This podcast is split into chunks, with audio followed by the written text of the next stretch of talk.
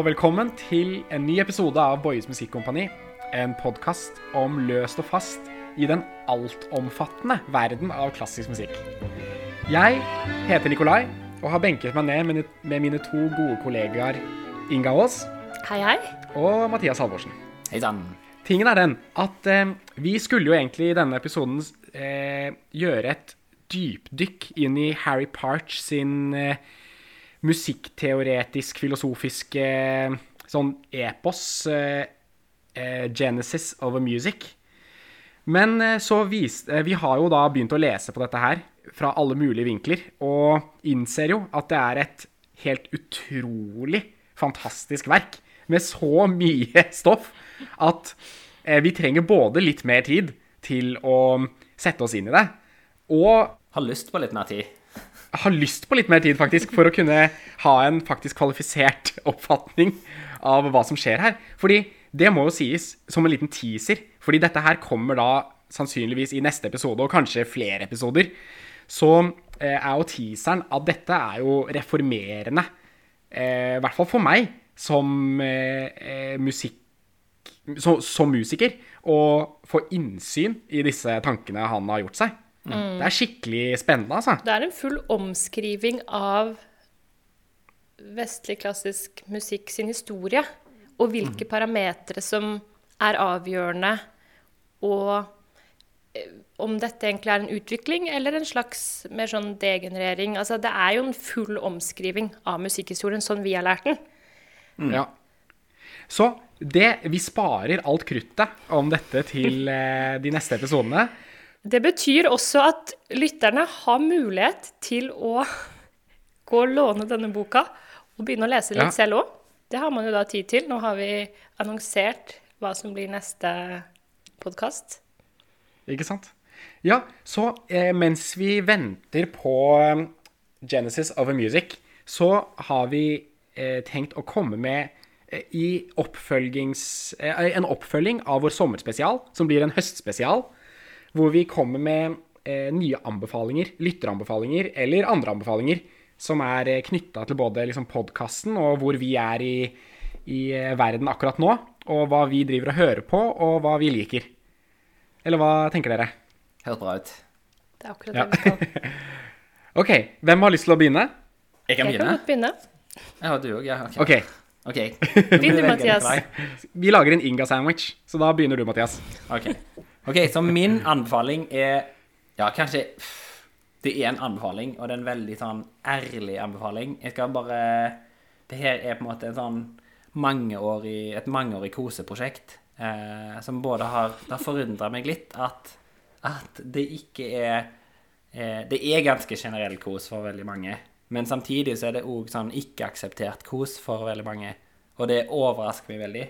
Og så har jeg mye sånn rettferdig eh, harme på denne komponistens vegne at han blir sett på som kosemusikk, selv om jeg syns det er kosemusikk. Jeg er fryktelig nysgjerrig nå, Mathias.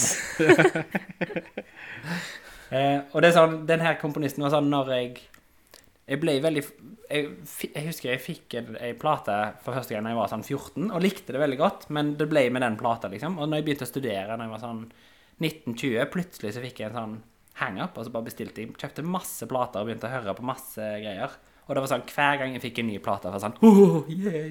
Det var bare skikkelig sånn Skikkelig sånn fanboy-opplevelse av den komponisten. Og bare sånn og det, det er ikke sånn ikke fordi det er intellektuelt stimulerende, bare fordi det er utrolig kos.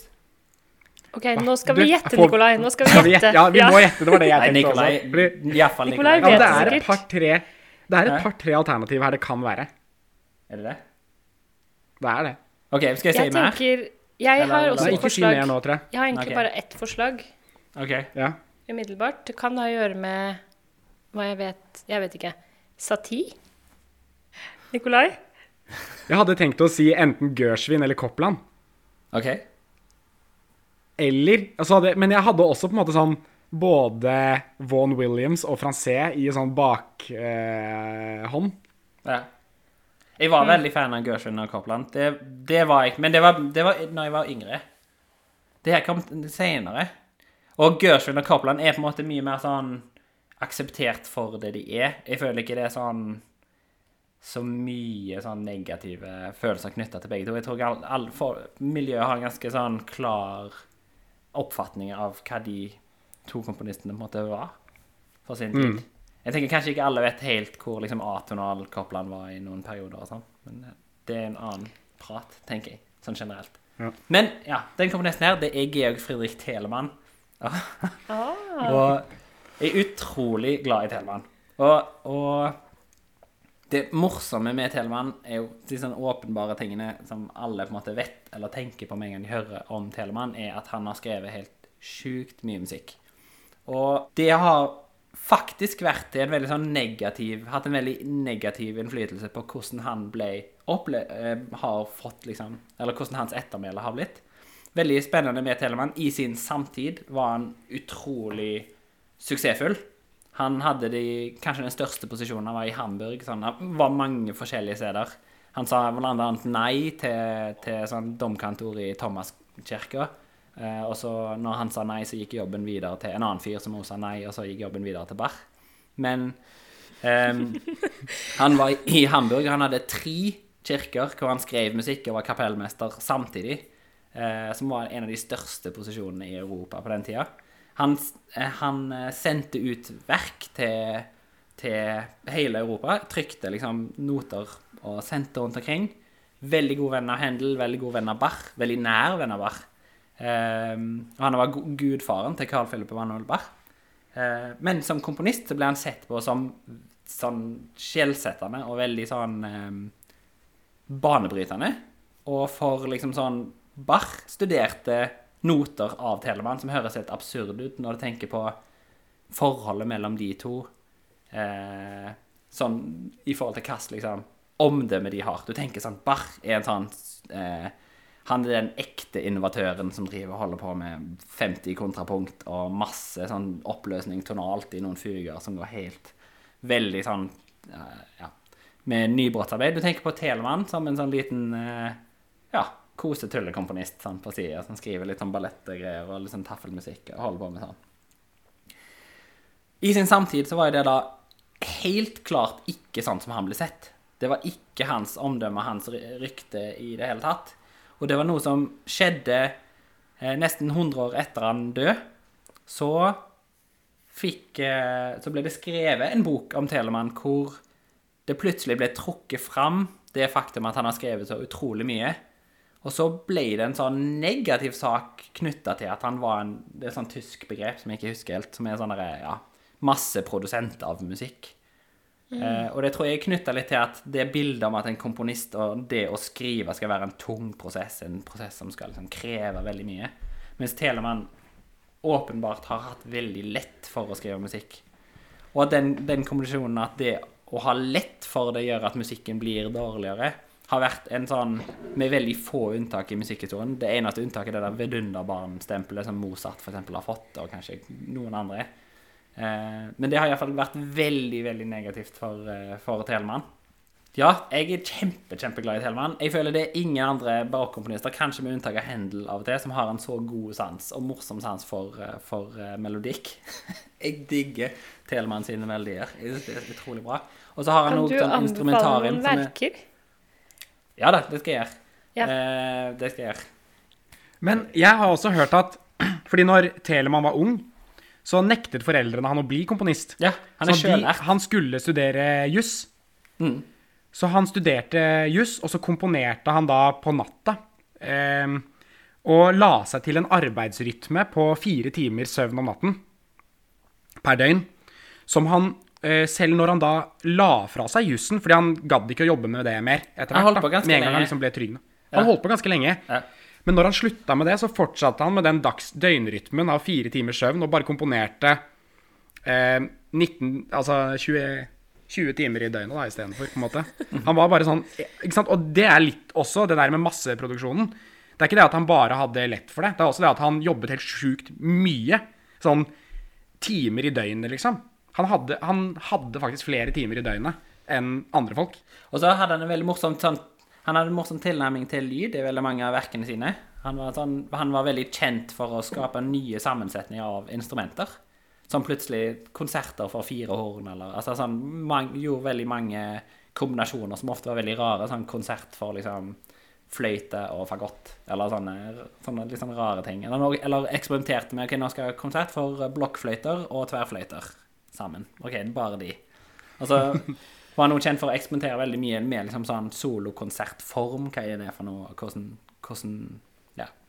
At ikke liksom Ja. Ting som vi ikke tenker på så mye nå i forhold til Eller med. Det er masse folk som tenker masse på barokk. Så nå snakker jeg veldig ut fra sånn mainstream klassisk musikerperspektiv. Jeg er klar over det. Min greie med Telemann er at jeg føler han er så utrolig gøy, underholdende og fin og lett å like. Rytmisk, spenstig og alle de tingene som er bare så veldig positive kvaliteter, gjør at mange ser på det som for lett. Eller at det blir sånn negativ ting at det er for bra, på en måte. Ofte Da må jeg si at eh, Jeg lurer på om det har litt å gjøre med at I hvert fall som stryker, altså som fiolinist den gang i tiden, så er liksom Telemann liksom noe av den første litt mer sånn ordentlige musikken vi begynte å spille i strykeorkesteret. At det er litt sånn opplærings... Det brukes mye i sånn pedagogisk sammenheng, er mitt inntrykk. Um, Sånn som Vivaldi, for eksempel, har litt samme ja, og at det gjør at det får en litt sånn en viss smak for de som på en måte da stod og gnukket på Telemann når man var tolv. Så får det litt så Det skaper noen assosiasjoner. Så det kan også ha med det å gjøre. Eh, at det kanskje får et Kanskje Telemann får et litt dårligere rykte enn fortjent. Ja, det kan det absolutt være. Han er, jeg, jeg tror du har helt rett. Jeg tror det er helt sant, Inge. Jeg tror det. Men eh, han har jo sånn 1200 verk for blokkfløyte. Ja, han har, han har over, tre, ja, og, han har over 3000, 3000 verk totalt. Han har fire, fire årssykluser med kantater, kirkemusikkantater. Det er ganske mye. sånn Hver søndag bare voff, voff, voff, voff, voff. Men en ting som han også var veldig kjent for, er at han brøyt veldig mye med eh, I større grad enn f.eks. Barr og veldig mange andre, så brøyt han med, med at virke som komponist utelukkende skal handle om være knytta til kirke- og hoffgreier. Så han begynte å arrangere liksom uavhengige konsertserier hvor han tok de verkene han hadde skrevet for sånn eksklusive eh, greier for hoffet, liksom, og så framførte han det for folk. Som var sikkert en sånn han, han, opp, øvre handelsklasse, sikkert. Men, men det var ganske sterkt. Ja, ja. Og så gjorde han mange nyvinninger på sånn eh, på åndsverkssida. Han begynte å behandle verk som åndsverk, og, og ja, Fordi han var det liksom- jurist, vet du. Han kunne jussen. Tonoen strømmet inn. Ja. Kult. Det var ikke rart han skrev mye musikk. Så Nei, hadde det fått sant. på Men har du noen anbefalinger, eller, Mathias? Ja da, det har jeg. Så jeg skal, det er to liksom, anbefalinger som er veldig forskjellige tilnærminger. Og det første er to plater gjort av Simon Standage eh, på Chandos. Det ene er med Ja, det er en serie med to plater, så dere finner det på Spotify. Der er det noen eh, Begge to har orkestersuiter. Begge to har Det er én konsert for blokkfløyte og tverrfløyte, som jeg syns er utrolig, utrolig, utrolig kul. Hør på den siste satsen, så tenker du sånn åh. Um, for alle som ikke kjenner den Et av de mest kjente stykkene til, til Telemann er jo den Don Quijote-orkestersuiten, hvor han tar biter fra boka og lager liksom Lager ja, lager liksom slags ballettmusikk ut av det. Det er sånn karakterstykker. Veldig, veldig, veldig, veldig, veldig gøy. Utrolig tullete og humoristisk. På sånn helt opp på sånn Bieber-nivå i forhold til hva han lager av lyder og, og ting. Ja, ja. Så de to platene anbefaler jeg veldig. Fra den andre plata så er det fiolinkonsert i, i uh, B-dur, som er et utrolig fint stykke. Der er det en langsom sats som er for fin til å være sann. Og der er det sånn tre mot to-greier. Det går sånn Fiolinen spiller Og så alle sitter sånn Så kommer sånn kjempefin fiolin. Utrolig, utrolig trollflat. Det som er veldig kult med Telemann, har jo en haug med orkestersuiter som alle sammen utforsker Eller ikke alle sammen, det er bare så mange at det er utrolig mange av de som utforsker veldig sånn eksperimentelle konsepter rundt musikk, hvor de er veldig karikerte eller gjør ganske sånn eh, ekstreme ting. Men Telemann eh, håndterer alltid det på en utrolig sånn fin, leken og veldig sånn folkelig måte. Ja, jeg er vel litt for glad i Telemann til å snakke rasjonelt om det. Så det er kanskje det som er problemet. Det andre jeg vil, eh, andre jeg vil anbefale, er en serie med plater gjort av Elizabeth Wallfish, hvor hun har spilt inn alle Feline-konsertene. Og der er det veldig mye gøy. Blant annet er det en som heter Froskekonserten, hvor først så spiller orkesteren sånn Til sånn barokk introduksjon. Veldig fin, sant? Så kommer fiolinsolisten inn, og alle bare blir helt stille. Ikke en lyd. Og så bare sånn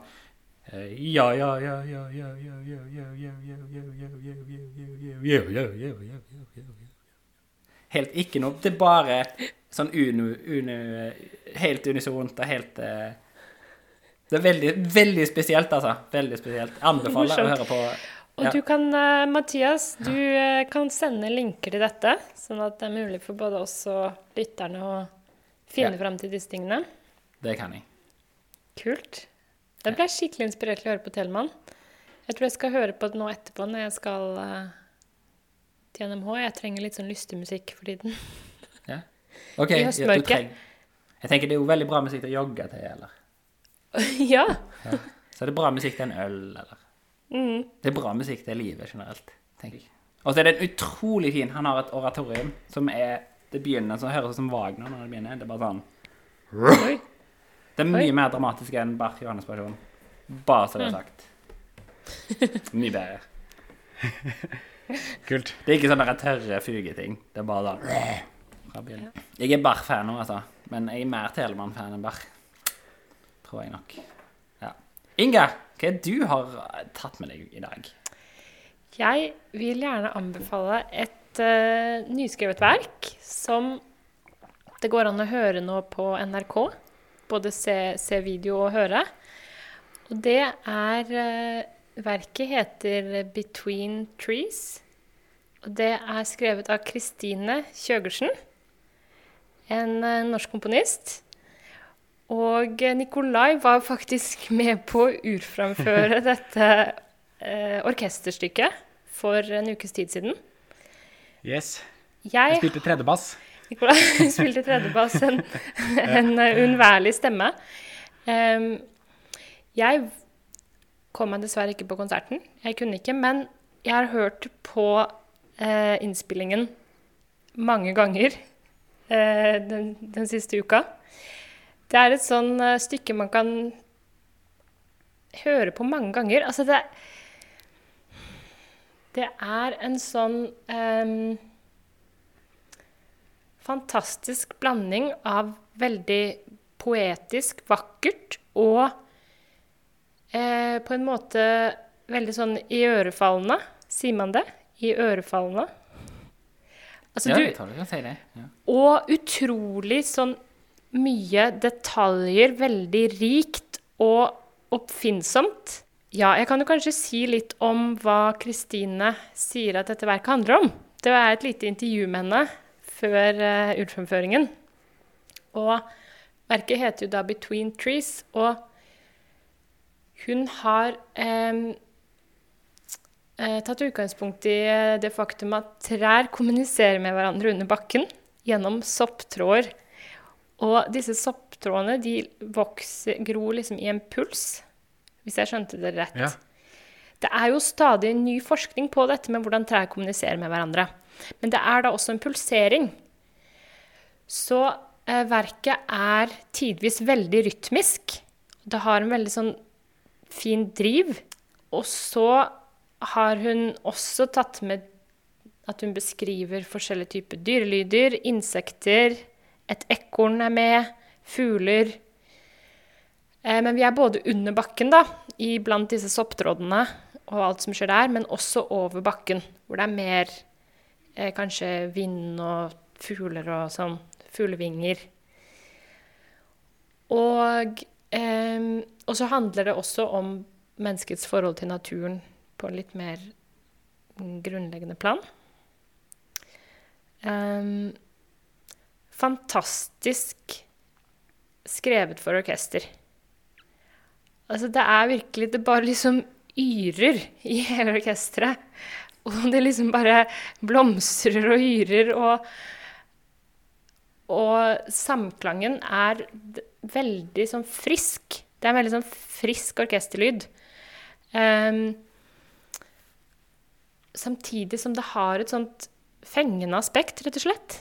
Uh, jeg har lyst til å høre på det igjen.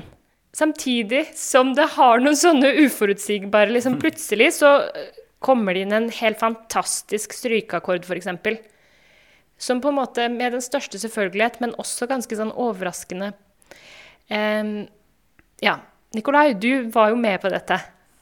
Ja, det var en fantastisk opplevelse. Den konserten i det hele tatt var bare utrolig bra. Jeg har sjelden kost meg så mye på en orkesterkonsert noensinne som på den konserten der. Og det var jo mye takket være det stykket til Kristine. Selvfølgelig. Som var bare Og måten hun også instruerte orkesteret, var bare så jeg vet ikke, entusiastisk. og sånn. Hun hadde gjort en sånn kjempegrundig research på alle lydene som ble produsert. Og eh, workshoppet med KORK da, også. Men også gjort egen research med andre musikere for å liksom finne ut hva er mulig å gjøre på et instrument. Hvordan skal det høres ut? Så hun kunne demonstrere alt som skjedde i orkesteret samtidig. og og, bare, og hentet liksom ut bare sånn Nei, dere må gjøre mer av det og mer av det. Og, og var veldig sånn levende i eh, instrueringen også.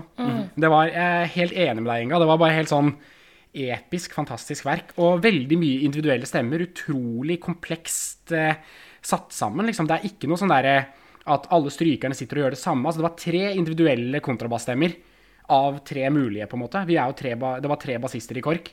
Og på en måte sånn Det at alle har individuelle stemmer, det sier jo noe om på en måte eh, kompleksiteten også av av orkesteret som helhet. da. Alle sitter og liksom gjør sin egen greie og masse rare lyder og kjempegøy.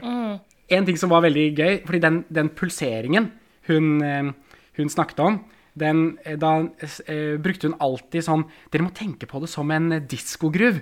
at det er sånn at, altså sånn der, at man liksom Og så med bare alle mulige sånne Og så alt bare fletta seg inn i hverandre. Men det var den mm. derre ja. Som bare gikk Nei. Eh, hele tiden. da, på en måte sånn, som, Og det var på en måte sånn hun så for seg hvordan disse sopptrådene drev og kommuniserte i sånne puls, sånne, egentlig ganske rask puls da, hele tiden under bakken. Og så plutselig så kommer det masse biller, for eksempel, da, som var sånn, sånn rundt omkring. Og så var det sånn, og alt bare smelter inn som en sånn derre Altså, det var helt utrolig bra orkestrert. Det var helt sånn Ravel og Stravinskij-nivå på orkestrering. Altså bare et nytt eh, lyduttrykk, liksom. Det var helt utrolig bra. Ja, det var, jeg koste meg så sinnssykt. Og så en ting jeg har lyst til å trekke fram også, er det fordi det der med møtet mellom mennesket og naturen. Hun, hun snakket jo om det som å gå en tur i skogen, på en måte.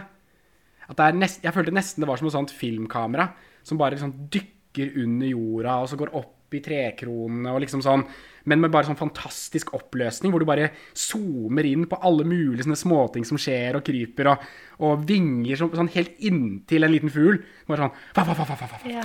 Ikke sant, sånn der, da. Sånn. Og, men så plutselig, da, så virker det som Så kommer det en sånn hornkoral mot slutten, som jeg bare må trekke fram. Fordi det følelsen jeg fikk da med en gang, da, med en gang den eh, slår inn den hornkoralen, som er sånn utrolig vakker, og så, så får man en sånn sakral stemning, som jeg, som jeg, jeg føler er sånn en slags sånn hyllest til naturen som et slags hellig rom. Og liksom hvordan eh, naturen er på en måte en sånn Altså, ja, sånn som man kan få en sånn åpenbaring ved naturopplevelser, da. Eh, På samme måte som man kan i kulturelle rom, så kan man få en sånn følelse av at noe er hellig og sakralt, da, på en eller annen måte. Så kan man det i naturen også. Og eh, mitt inntrykk der var at, at det var en slags sånn eh, på en måte følelse som traff den turgåeren, da, i det der, som på en måte opplever naturen som bare Å, fy søren. Naturen, den må vi ta vare på. Den er så fin, liksom. Det er ingenting annet som denne naturen her. Og som på en måte er bare opphøyet på en helt annen sånn Altså, jeg, jeg følte det var en sånn eh, Også en veldig sånn ærbødighet, da, overfor naturen og alt som er der, og hvordan vi må ta vare på den. Så det var et litt sånn klimaverk òg, på en måte. Det var veldig- jo var utrolig gøy å være med veldig rørende. Altså, Ja. det er ikke alltid at um, ny, ny musikk på en måte klarer å være berørende på den ganske sånn direkte måten. eller på en måte lar seg være det. Um, det var liksom den kombinasjonen av en sånn utrolig vitalitet med dette liksom yrende livet, da. Som sikkert også egentlig sånn rent konkret har å gjøre med at det var så mange stemmer. Du fikk et sånn utrolig nyansert lydbilde. Jeg tror det er derfor det er også sånn man kan høre på dette verket så mange ganger, for det er liksom alltid en liten ny sånn vroop, eller en liten sånn psh, en liten lyd man ikke har fått med seg. Og okay. at det er satt sammen til en sånn helhet som gir veldig mening som et um, lydlandskap, et naturlig lydlandskap. Hvor det på en måte alt er veldig organisk, men det er også utrolig detaljert, og du kan gå nærme noe, du kan gå lenger fra. At det har den der rikdommen og vitaliteten. Og samtidig som det er veldig, veldig optimistisk. Det er sånn Jeg blir liksom glad av å høre på den musikken. Det er utrolig sånn Ja. oppløftende. Det er langt mellom sånne stykker. Klanger og, og harmonikk også. Eh, kombinert med også den der at det faktisk er rørende. Eh, når F.eks. når disse hornene kommer inn, og når liksom den første delen, når den rytmen kommer tilbake til slutt. Det er jo også utrolig flott sånn helhetsform. Um, som uh, Som funker kjempefint. Og jeg vil bare absolutt anbefale alle å gå inn på nrk.no og se og høre på dette verket. Vi legger link til det i Legg merke til tredjebass, da. Følg med på tredjepass. Ja. Upåklagelig innsats der fra Nikolai. Ja, det var kos, altså. Det var så gøy å være med på. Jeg var så inspirert etterpå. Og så traff jeg altså. Kristine etterpå, og altså, Kristine Det må nevnes, det også. Jeg følte sånn virkelig I det øyeblikket det liksom Med, en gang jeg hørte liksom første noten av det stykket, så grep det meg med en gang. Det var ikke sånn der at vi trengte å øve på det masse før det begynte å gripe meg. Men det var, det var først på konserten at vi virkelig liksom fikk ting til å stemme, da, som en, en helhet. Og etterpå så var det bare sånn full jubel i salen. Det var sånn stormende applaus. Hun måtte komme inn to ganger. Og så følte jeg bare sånn Herregud, en stjerne er født, tenkte jeg. Kristine, altså. Hun er noe stort. Ja. Ikke for å gi, legge noe press på henne, sånn sett. Det er Nei, bare det det, er, det er noe stort i gjerdet her, altså. Det ble veldig tydelig med dette, Ja. dette verket. Det, vi kan glede oss til mer fra henne. Ja, herregud. Jeg gleder meg til mange, mange, mange mange, mange år. ja. ah, så gøy. Følge hver tone. Veldig gøy. Ja. Skikkelig kult.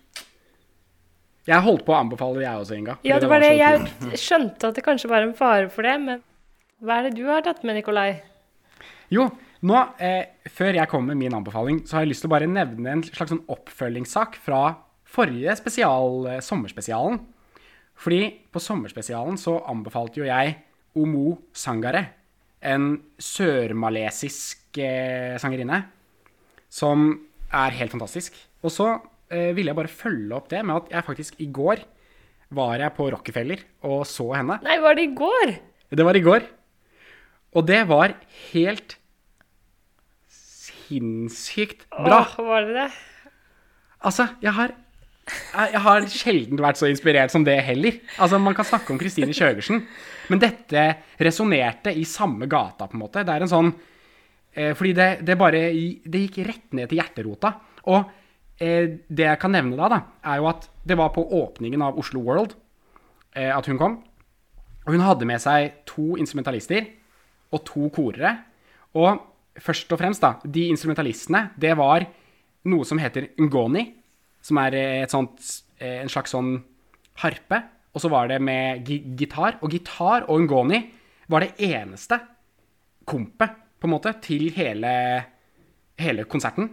Oi. Og så var det de to korerne som dansa og kora. Og, så det var nesten sånn intimt akustisk lydbilde. Men jeg har sjelden liksom opplevd noe så rytmisk, variert og komplekst. Konstant. Hele. Altså, det var de mest fantastiske musikerne jeg har opplevd nesten. Altså, både han elgitaristen og han Ngoni-spilleren. Herregud, så bra det var. Det var helt sånn magisk, altså. Og så altså, en ting som var veldig gøy, var sånn derre følelsen av at, av sånn, at vi er født et annet sted sånn rent rytmisk. Fordi de bare Altså, det var et eller annet med at publikum var sånn OK, nå kjenner vi grooven. Der er den, liksom.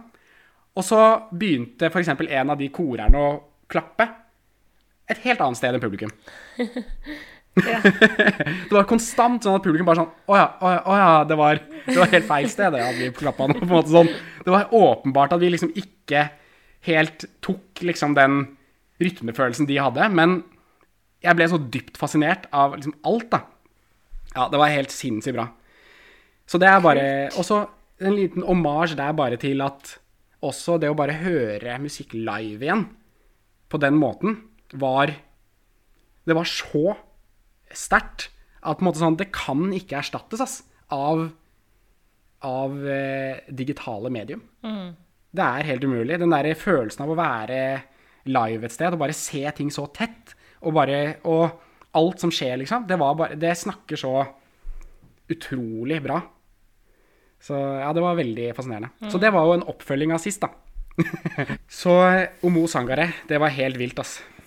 Og jeg har lyst på en sånn Ngoni, da. Den derre harpa. Sånn det, den, det, det var bare en sånn svær ball. En sånn fruktball. En Fruktball. uthula frukt. Ja, den, det er en sånn uthula frukt som heter eh, kalibash eller noe sånt. Men jeg tror den her var kanskje var lagd av tre for å liksom gjenskape en kalibars med et hull i. Og så var det en lang, lang stang som gikk fra den, liksom. Og så med en liten sånn pinne som stakk opp fra den kula også, så var det masse strenger ut til den stanga, mell eller mellom de to stengene, da, på en måte. Og så spilte han sånn på hver side, med én hånd på hver side av strengen. Og han lagde masse rare lyder. For eksempel, han drev og gnei opp og ned på den ene strengen, sånn, som, hvor han lagde sånn Sånn, der, sånn type lyd. Og det, det var sånn De skjønte først ikke bare sånn, hvor kommer den lyden fra. Og så var det han. Det var alltid han som lagde noen rare lyder. det var kjempegøy. Ja. Ok, Men så eh, Min anbefaling for i dag er jo egentlig ganske lik Mathias sin. Jeg var ikke klar over hva han skulle anbefale, så jeg har faktisk en anbefaling av eh, Händel. Fordi Fordi jeg Men det, egentlig så er det Det er ikke helt bare Händel, fordi egentlig så er det knyttet mer til ensemblet.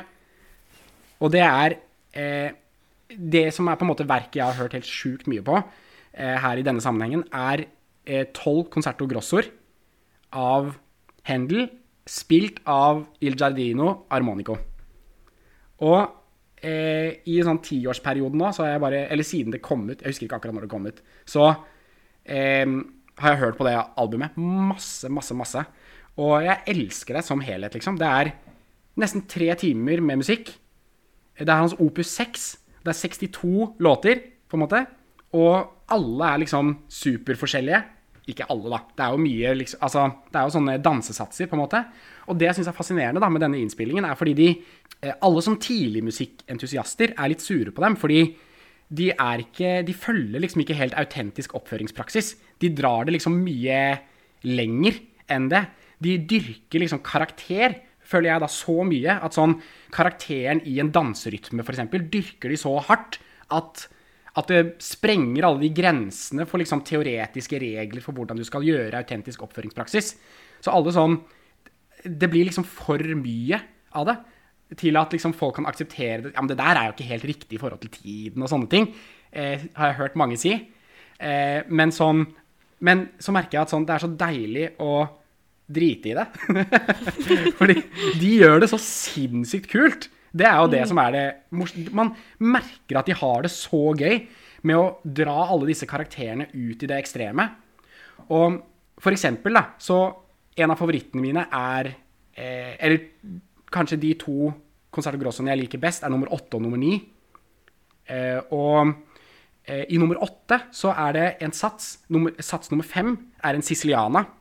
Og siciliana, eh, rytmen, kommer bare eh, to ganger i løpet av hele alle de tolv Concerto Grossoene. Og den Jeg har en forkjærlighet for den rytmen, så derfor er det min anbefaling i dag. Er den satsen. Nummer åtte. Nummer fem, Siciliana. Dun, dun, dun, Den er dun, helt dun, dun. Nei, det er, det Siciliana-rytmen? nei ja. Siciliana-rytmen er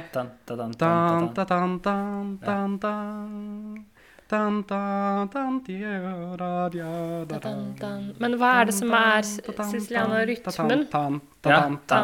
dan, dan. Ok.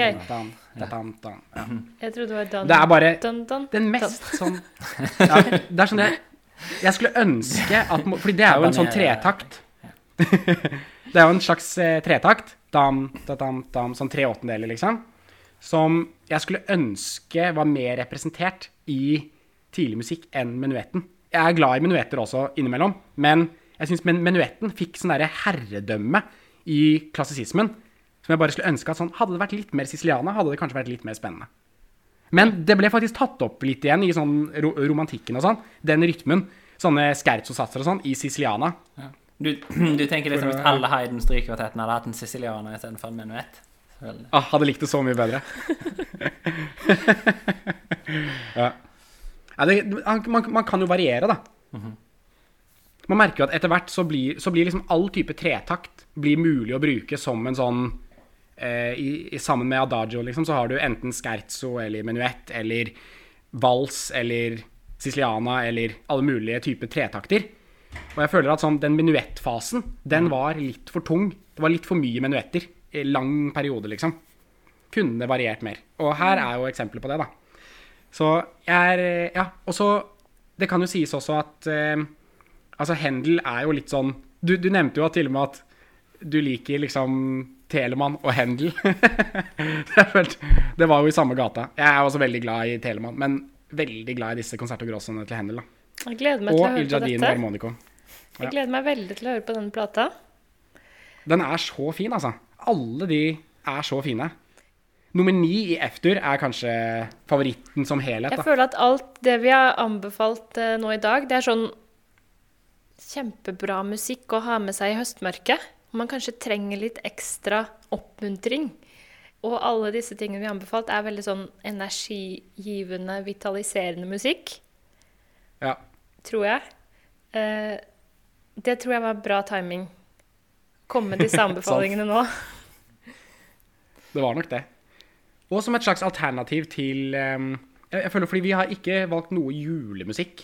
Og vi går inn i desember snart, hvor julekonsertens hegemoni eh, setter i gang. Setter inn for alvor.